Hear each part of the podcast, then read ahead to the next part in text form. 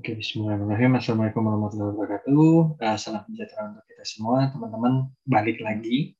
Kali ini kita ngobrol bareng sama Glo. berarti sesi kedua ya gue. Ya. Kalau yang belum kenal iya. Glo, uh, berarti belum dengar kemarin di podcast sesi pertama. Ada di scrolling aja, teman-teman.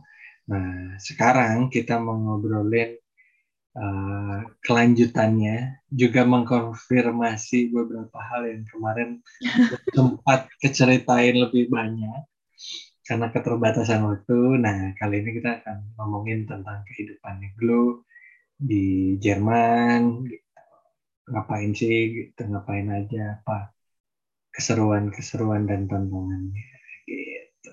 Nah, sebelum masuk ke sana, uh, kan nggak perlu kenalan lagi nih, tapi boleh nggak gue cerita? Berarti sekarang itu keadaannya Glow ini sebagai apa sih? Ngapain aja sih di Jerman? Lanjut Glow silahkan ya kan kalau yang dari sesi pertama udah diceritain ya uh, awalnya jadi pair terus jadi volunteer um, terus jadi pelajar, asik pelajar. sekarang kan udah lulus, jadi sekarang uh, kerja uh, full time di salah satu dokter gigi di Munich atau di München. Terus kalau misalnya kan kalau sekarang masih baru banget kerja lagi ya Kak Uji karena kan kemarin aku pas uh, waktu belajar itu di praksis yang lain di tempat uh, dokter gigi yang lain. Nah, sekarang hmm. dokter giginya baru. Terus aku baru mau jalan dua minggu nih di praksis yang baru ini. Jadi kayak masih penyesuaian lagi, masih belajar lagi karena uh, dokter giginya tuh beda. Jadi dia tuh sekarang kayak lebih ke spesialis buat orang-orang yang kalau misalnya apa uh, punya sakit di mm, rahang gitu loh. Jadi uh, beda apa ya beda indikasinya beda, kita meriksanya juga beda, bukan bukan kayak dokter gigi biasa. Nah kalau yang kemarin itu waktu aku belajar uh, masih di dokter gigi yang biasa. Nah sekarang udah kayak lebih apa ya dia punya spesialis gitu. gitu jadi kayak masih ya masih penyesuaian lagi lah jadi kayak belajar lagi dari awal tapi seru karena uh, ilmu baru kan ya gitu. Kalau misalnya selain kerja ya sebenarnya aku masih lagi apa memanfaatkan libur musim panas. Hmm. uh, kalau biasanya ya uh, weekend atau pulang kerja atau malah sebelum kerja uh, kalau ada tawaran syuting aku ikutan syuting aku ambil uh, syuting gitu. Ya itu sih paling kerja syuting terus kemarin juga sekarang uh, apa masih kayak tahap pindahan juga karena aku baru pindah rumah gitu. Tapi ya sebenarnya biasanya cuma kerja, syuting, terus main sama teman-teman, jalan-jalan. I see. Gitu. Syuting, syuting foto ya. Uh, kan kalau di Indonesia kan syuting kayaknya syuting sinetron. Oh, film. Iya.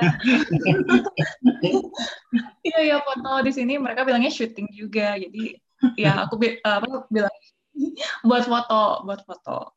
Ya kan kalau kayaknya oh. kalau di Indonesia kan syuting itu ada syuting ini gitu. Kayak syuting FTP.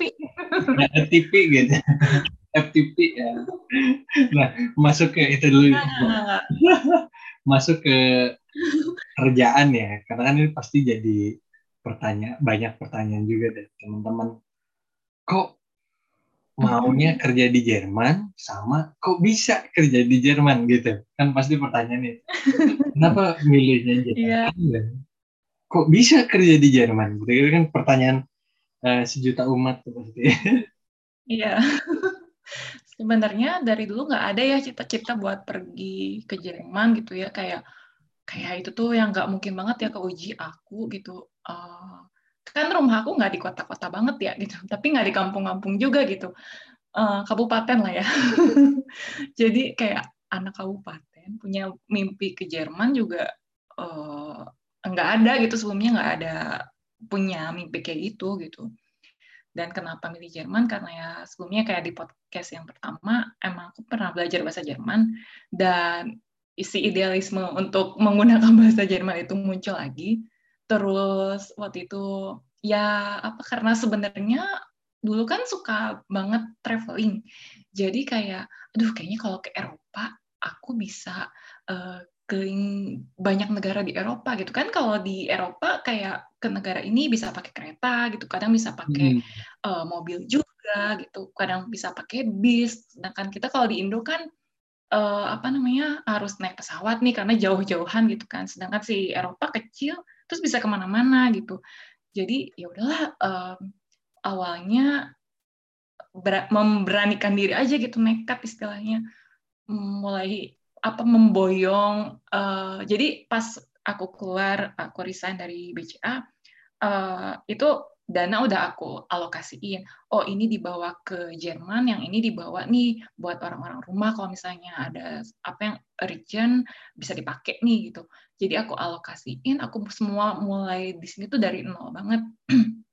Terus apa namanya uh, awal-awal ya aku juga nggak langsung traveling ya ke uji. Aku apa hmm, saving dulu gitu aku tabung dulu sampai akhirnya setiap ada waktu libur, aku pasti mikirinnya aku traveling ke mana lagi ya gitu.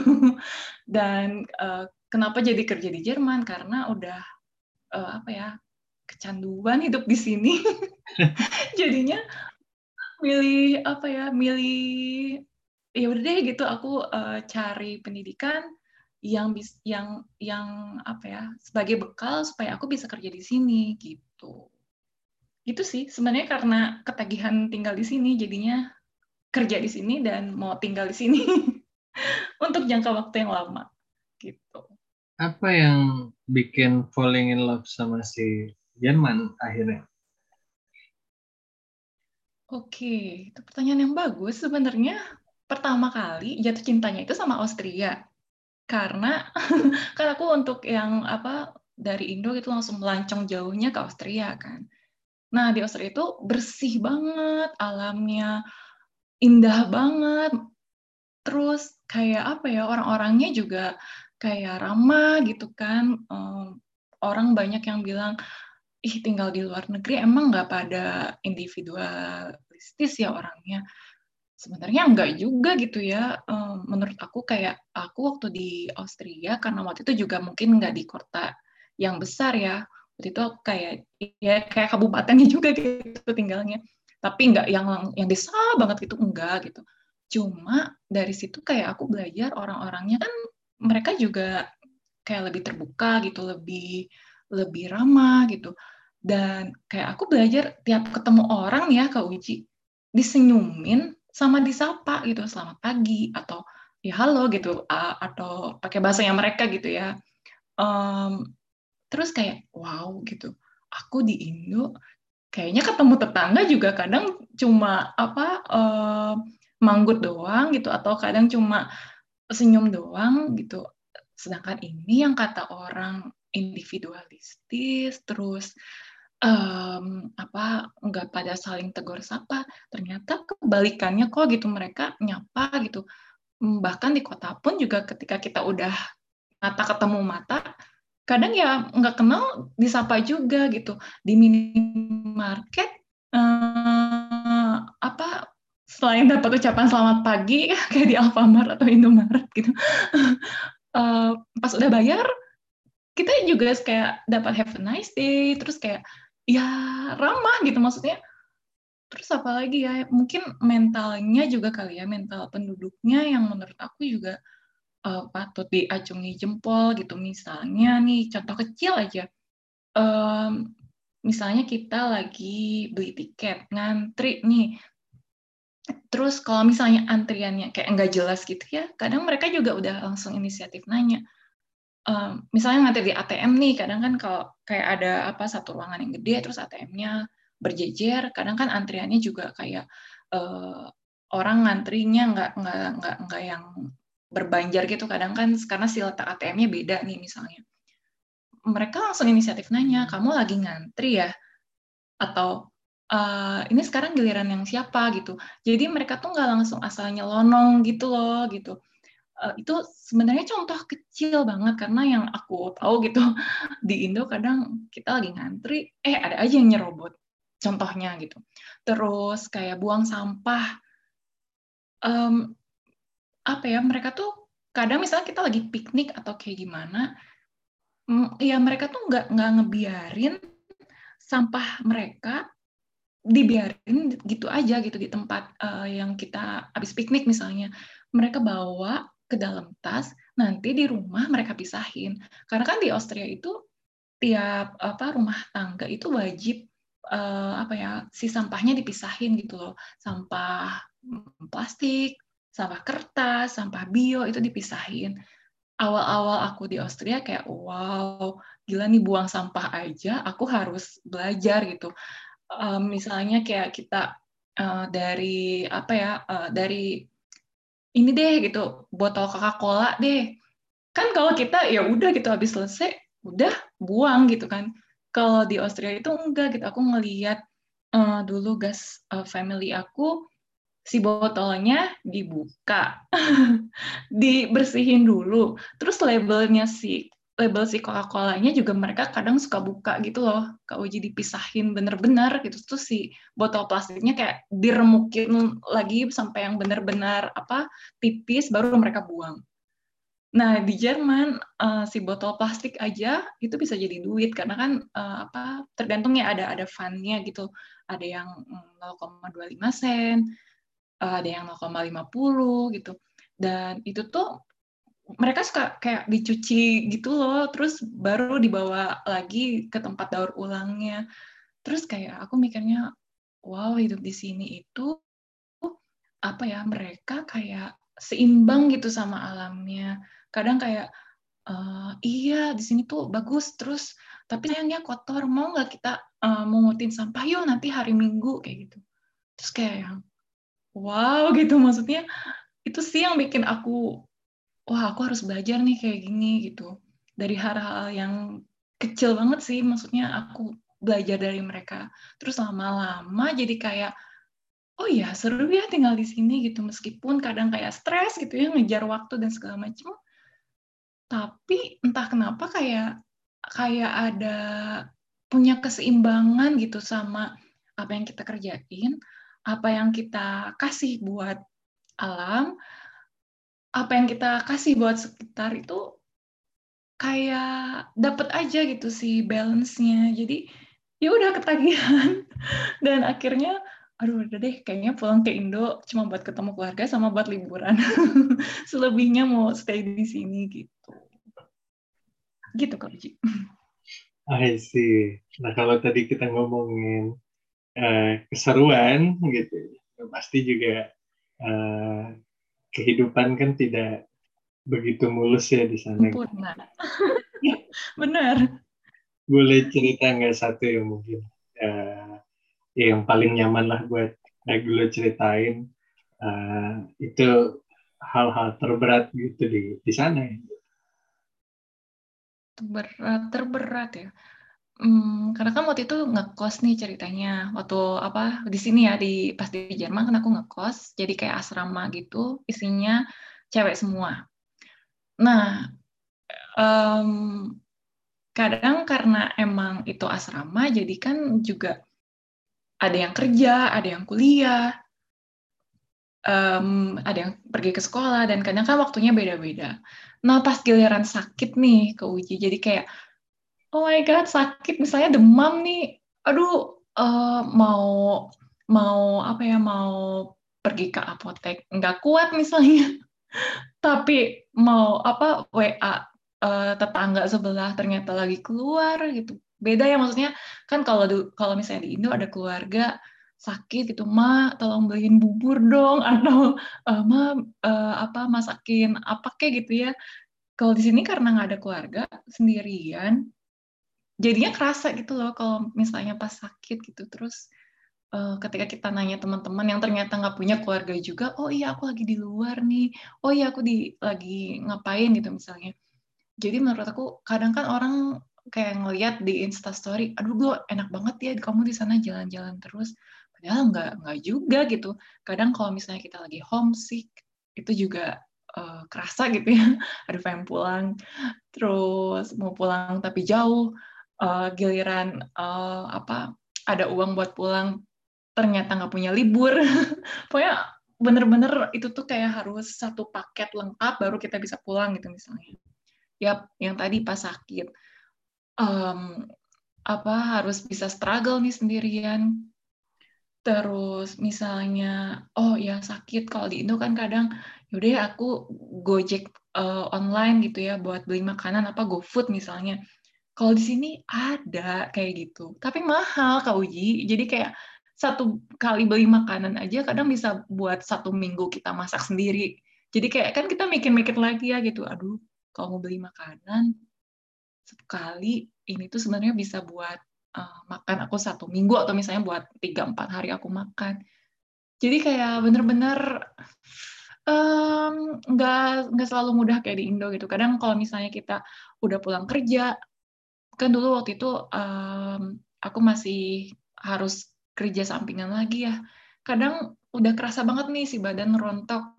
Aduh, pengennya kalau di Indo udah pengen telepon apa cari Gojek gitu ya. Kalau di sini kan nggak ada Gojek gitu.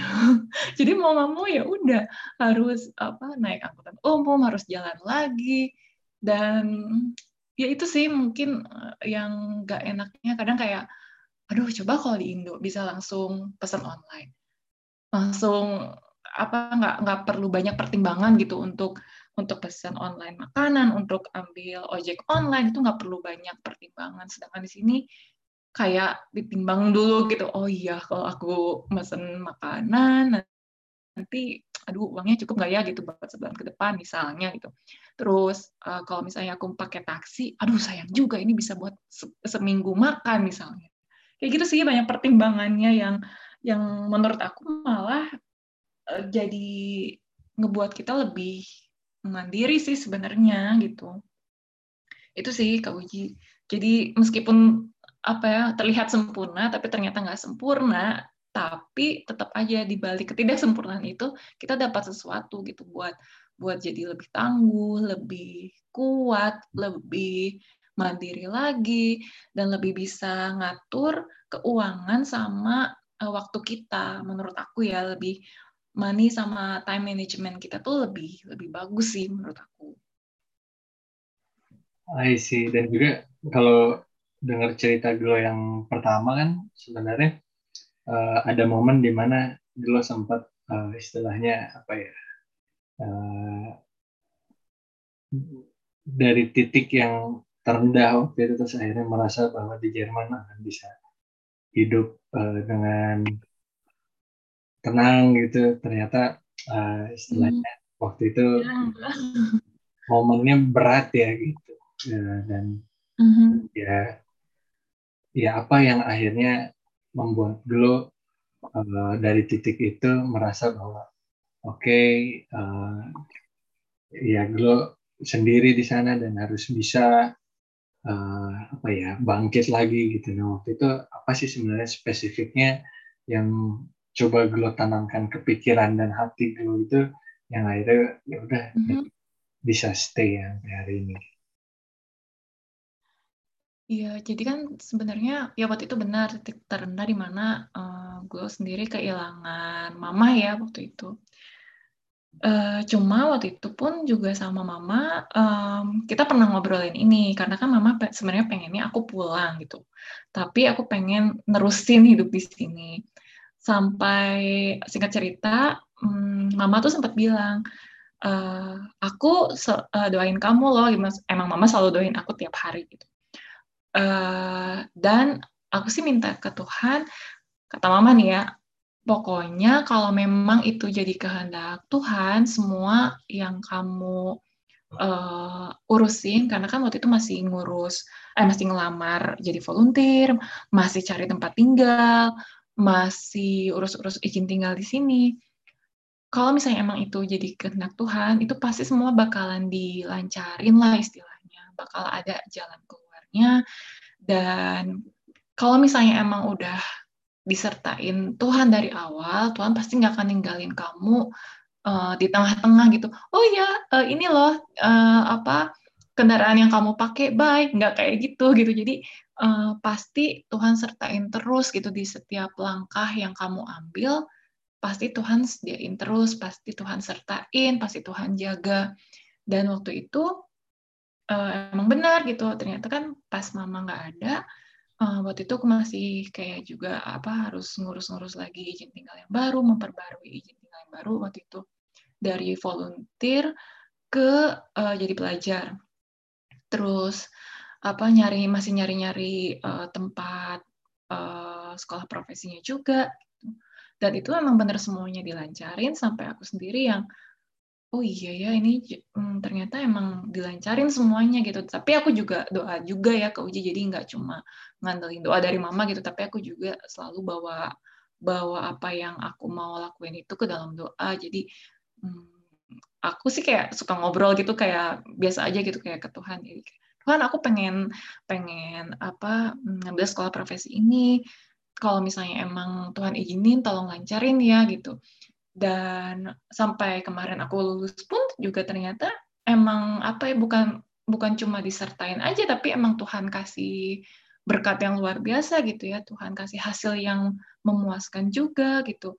Um, ya mungkin podcast pertama aku cerita aku malah dapat uh, uang juga gitu ketika aku lulus gitu. Karena um, apa nilai aku yang bagus gitu menurut aku. Kalau kita pikir secara manusia um, kayaknya nggak mungkin gitu ya maksudnya wah waktu itu masih yang di masa aku habis kerja udah gitu masih harus kerja lagi nyampe rumah itu masih harus masak. Kadang baru jam 9 jam 10 ada di kasur besoknya itu bangun pagi udah harus bangun subuh lagi kerja aja gitu terus kayak um, kayak nggak mungkin gitu loh. Ternyata aku masih sempat bisa apa mencerna apa buku-buku pelajaran aku dengan baik gitu. Padahal meskipun kayaknya kalau aku pikir pakai logika aku secara manusia wow ini kayaknya nggak mungkin gitu. Maksudnya aku biasanya udah kayak gitu tuh udah capek udah gak akan bisa mikir lagi. Tapi enggak gitu ternyata emang sampai akhir pun apa ya bener-bener uh, di disertain terus gitu. Makanya aku selalu oh ya udah gitu pasti apa pun yang terjadi pasti ada jalan keluarnya dan aku nggak sendirian itu sih Uji jadi aku lebih lebih apa ya lebih terus berpikir positif aja pasti ada ada jalannya dan aku nggak sendirian itu sih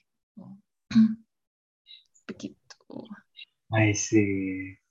Nah kalau kita ngomongin tentang kerjaan nih dulu kan gue juga selain mm-hmm. dental assistant juga jadi model nih gitu. Nah kalau kita ngomongin model di sana uh, gimana ya rasanya karena kan gue juga bukan orang sana ya gitu bukan natif di yeah.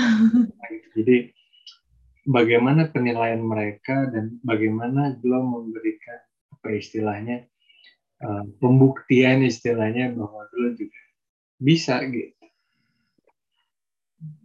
atau sebenarnya uh, mereka cukup cukup ya? aja gitu ya nggak nggak memandang uh, hal, hal tertentu gitu. Jadi mereka oke okay aja kalau bisa jadi model ya udah gitu.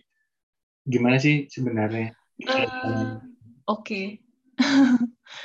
jadi kan waktu itu sebenarnya um, dari mulai yang teman aku itu upload terus jadi ada tawaran. Nah ke, tapi kan nggak selalu ada tawaran ya ke Uji jadi kadang aku juga yang cari sendiri, oh ini ada event ini nih, ah cobain aja, udah bodo amat, cobain aja gitu. Um, tapi yang kalau misalnya mereka juga kadang nyarinya, oh aku butuhnya yang uh, rambutnya blonde misalnya dengan mata biru misalnya gitu. Ya udah itu nggak akan aku lamar tuh, nggak akan aku apa DM uh, eh, tertarik nggak kerja sama sama aku itu enggak gitu jadi selain aku nunggu bola, aku juga jemput bola gitu. Jadi oh ada event ini uh, terus mm, nggak ada spesifikasi harus rambutnya blonde ya udah aku lamar gitu sih. Jadi yang nggak ada spesifikasinya aku pasti lamar. Um, ya tapi kalau misalnya kebanyakan nih yang sekarang ini yang udah pernah kerja sama sama aku jadi uh, apa udah pernah nih sekali syuting sama dia photoshoot ya bukan syuting FTV eh, sekali photoshoot sama dia. Iya terus misalnya dia ada project baru gue mau nggak bantuin aku misalnya. Jadi terus kadang dari situ dari mulut ke mulut juga Glo ini ada teman aku kamu mau nggak kira-kira bantuin dia? misalnya. Gitu sih. Jadi awal mulanya dari uh, kerja sama sama satu orang terus dari satu orang ini dia nawarin lagi udah gitu nyebar juga dari mulut ke mulut gitu. Dan kayaknya orang sini juga nggak yang terlalu apa ya nggak um, yang terlalu milih-milih banget gitu. Sebenarnya susah sih kadang untuk uh, untuk uh, pasar tertentu emang butuhnya yang orang-orang sini juga gitu. Untuk segmen yang lain bebas atau segmen yang uh, gimana gitu butuhnya yang Asia.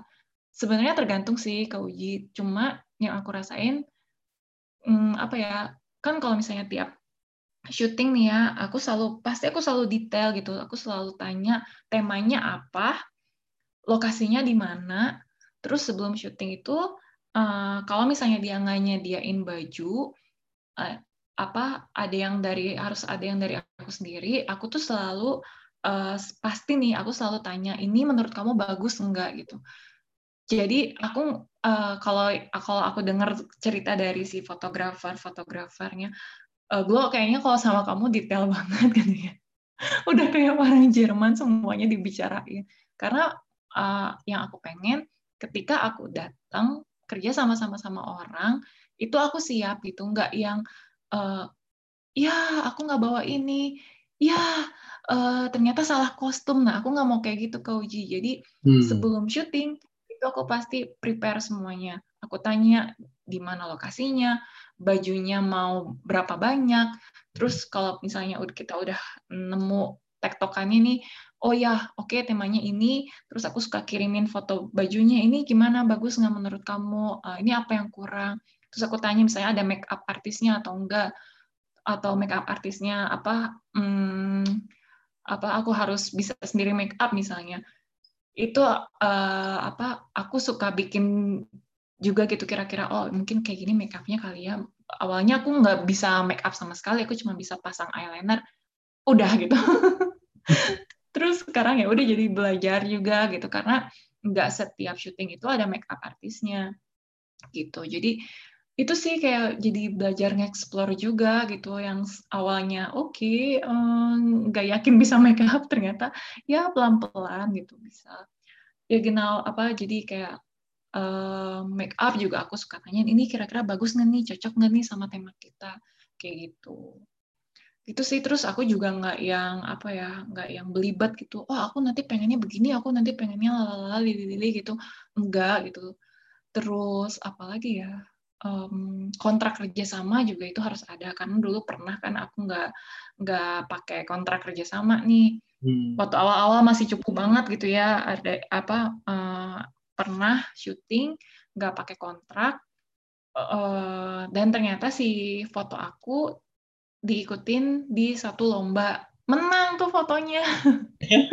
Nah ya aku bahagia gitu. Aku seneng gitu. Oh ya congrats gitu. Tapi kok kamu nggak nanya aku dulu sih gitu? Kan aku pengennya ditanya dulu eh ini foto kamu boleh nggak nih aku ikutin lomba? Gitu. Pastilah aku jawab boleh gitu.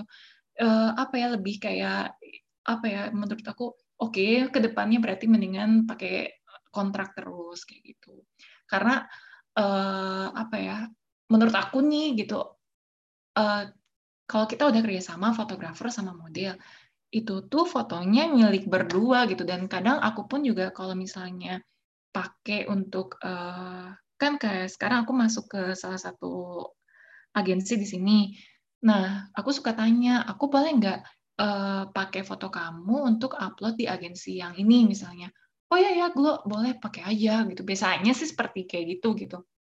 Jadi aku pasti selalu tanya, um, ini boleh aku pakai enggak gitu. Nah, aku juga kan mengharapkan kebalikannya ya dari fotografer ketika fotografer mau pasang buat pameran atau mau pasang buat uh, diikutin lomba gitu. Ya harusnya tanya dulu gitu. Jadi dan kalau misalnya udah ada kontrak itu menurut aku itu lebih aman karena udah ada kriteria kriterianya gitu. Jadi ya banyak banget sih sebenarnya yang yang apa ya uh, seiring berjalannya waktu jadi kayak tahu sendiri oh prosedur yang baik itu kayak begini kayak gitu kayak gitu sih Kak Uji. I see. Nah, gitu, kalau misalnya udah di penghujung ternyata kita. Ini gila. Eh, cepet banget. ya. Sebel banget emang nih. Uh -huh. Ya, ampun, kayaknya harus lebih panjang lagi Kak Uji. Itu gila, apa, uh, kalau gue lihat gitu ya, se seserius apa, seprofesional apa sih ekosistemnya? Uh, modeling yang gue jalanin nih sih, terutama si photoshoot ini. Kalau di sana ekosistemnya seserius apa gitu, seprofesional gimana gitu, dan juga yang gue lihat in the future nih uh, potensinya kayak gimana sih kalau di sana gitu. Oh, ya, terutama yang, uh, terutama yang bidang gue jalanin yang okay.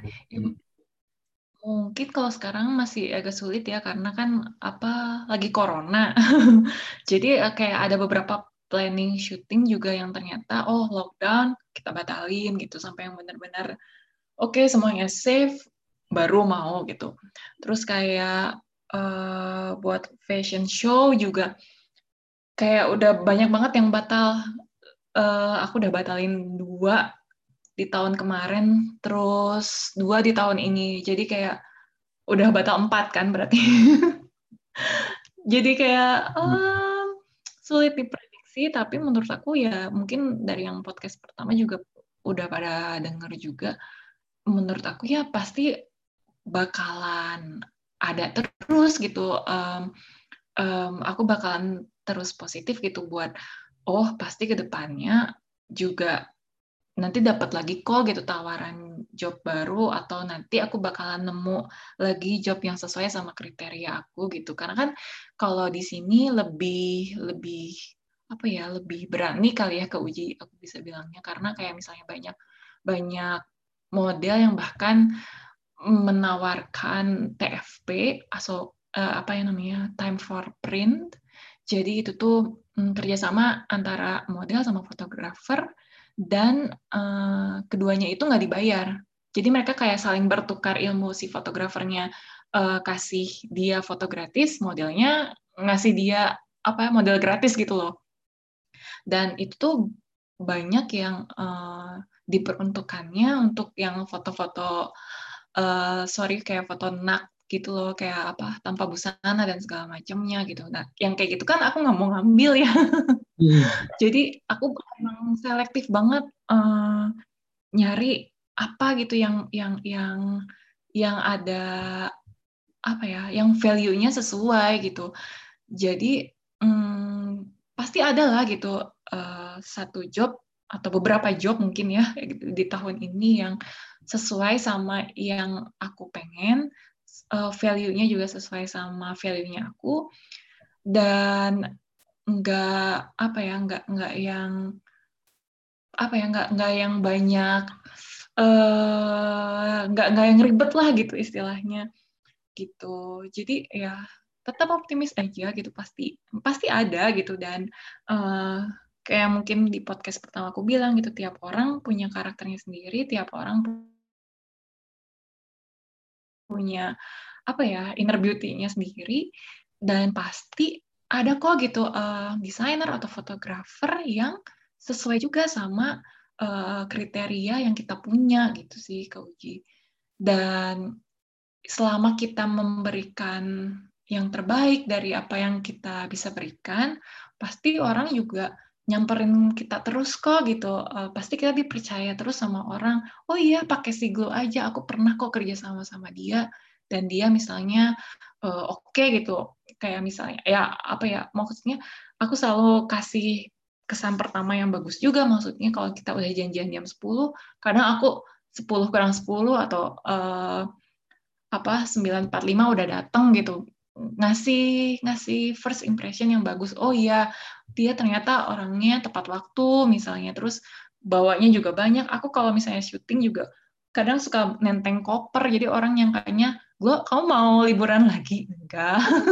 Karena emang sekali brek gitu banyak. Kadang kayak ada baju cadangan, ada sepatu cadangan dan segala macam. Jadi bener-bener aku tuh nggak kekurangan ketika aku lagi kerja, aku ada semua kayak gitu. Itu sih Kak Uji. I see. Jadi. Waduh, mantap banget, mantap banget. Uh, ilmu lah buat teman-teman jadi banyak. Jadi terbuka ada wawasan uh, di belahan dunia sana tuh ternyata ada kegiatan yang seperti itu. ya di sini juga ada, tapi mungkin ada cerita-cerita yang sudut-sudut pandang yang berbeda. Glo, thank you banget. Uh, mungkin last question nih. So, yeah. what makes you happy gitu? Glo karena dulu uh, berjuang di Jerman kerja alhamdulillah dapat gitu ya terus juga uh, model juga jalan gitu uh, berproses gitu nah so uh, what makes you happy gitu di sana sana dulu juga udah sampai sana karena dulu pengennya ke sana dan sekarang udah di sana sekarang apa yang dikejar lagi yang dikejar lagi hmm. Aduh, itu pertanyaannya jadi bikin mikir ya. yang dikejar lagi, hmm, mungkin bisa apa punya karir yang bagus, maksudnya apa ya kerja juga bisa dipercaya karena kan sekarang di tempat yang baru nih gitu aku masih belum kenal sama tim aku tuh masih belum deket gitu baru juga seminggu gitu ya jalan dua minggu uh, aku pengennya bisa kayak di praksis yang lama, bisa dipercaya sama uh, bosnya, sama teman-teman aku juga satu tim.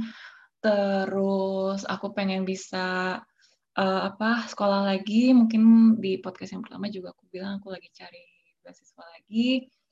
Terus tahun kemarin aku belajar main ski kan. Terus jadinya pengen tahun ini pengen bisa jadi kelas menengah uh, main skinya terus apa lagi ya terus bisa dapat permanen residen kali ya kak di sini itu sih tujuan aku sekarang I see gitu. Go, thank you banget jadi apa namanya ya, Kak Uji mengharumkan Indonesia juga dari sana dari karya-karyanya memperkenalkan uh, melalui apa pekerjaannya Glo gitu juga dengan karya-karya mm-hmm. kan mereka juga tahu nih nanti oh Glo nih punya karakter gini karena Indonesia juga nih gitu. Iya benar benar benar. Glo, thank you banget ya. Sehat-sehat selalu. Semoga bisa berkesempatan kita berbincang lagi. thank you banget, thank you banget. Sehat-sehat ya, selalu ya. Sukses semoga yang Amin. Di, semoga kau bisa segera. Sehat terus. Siap. Oke. Okay. Ya, terima kasih banget, ya. Atas undangannya. ya. Sama-sama. Oke, okay, Glo. Thank you. Bye-bye. you.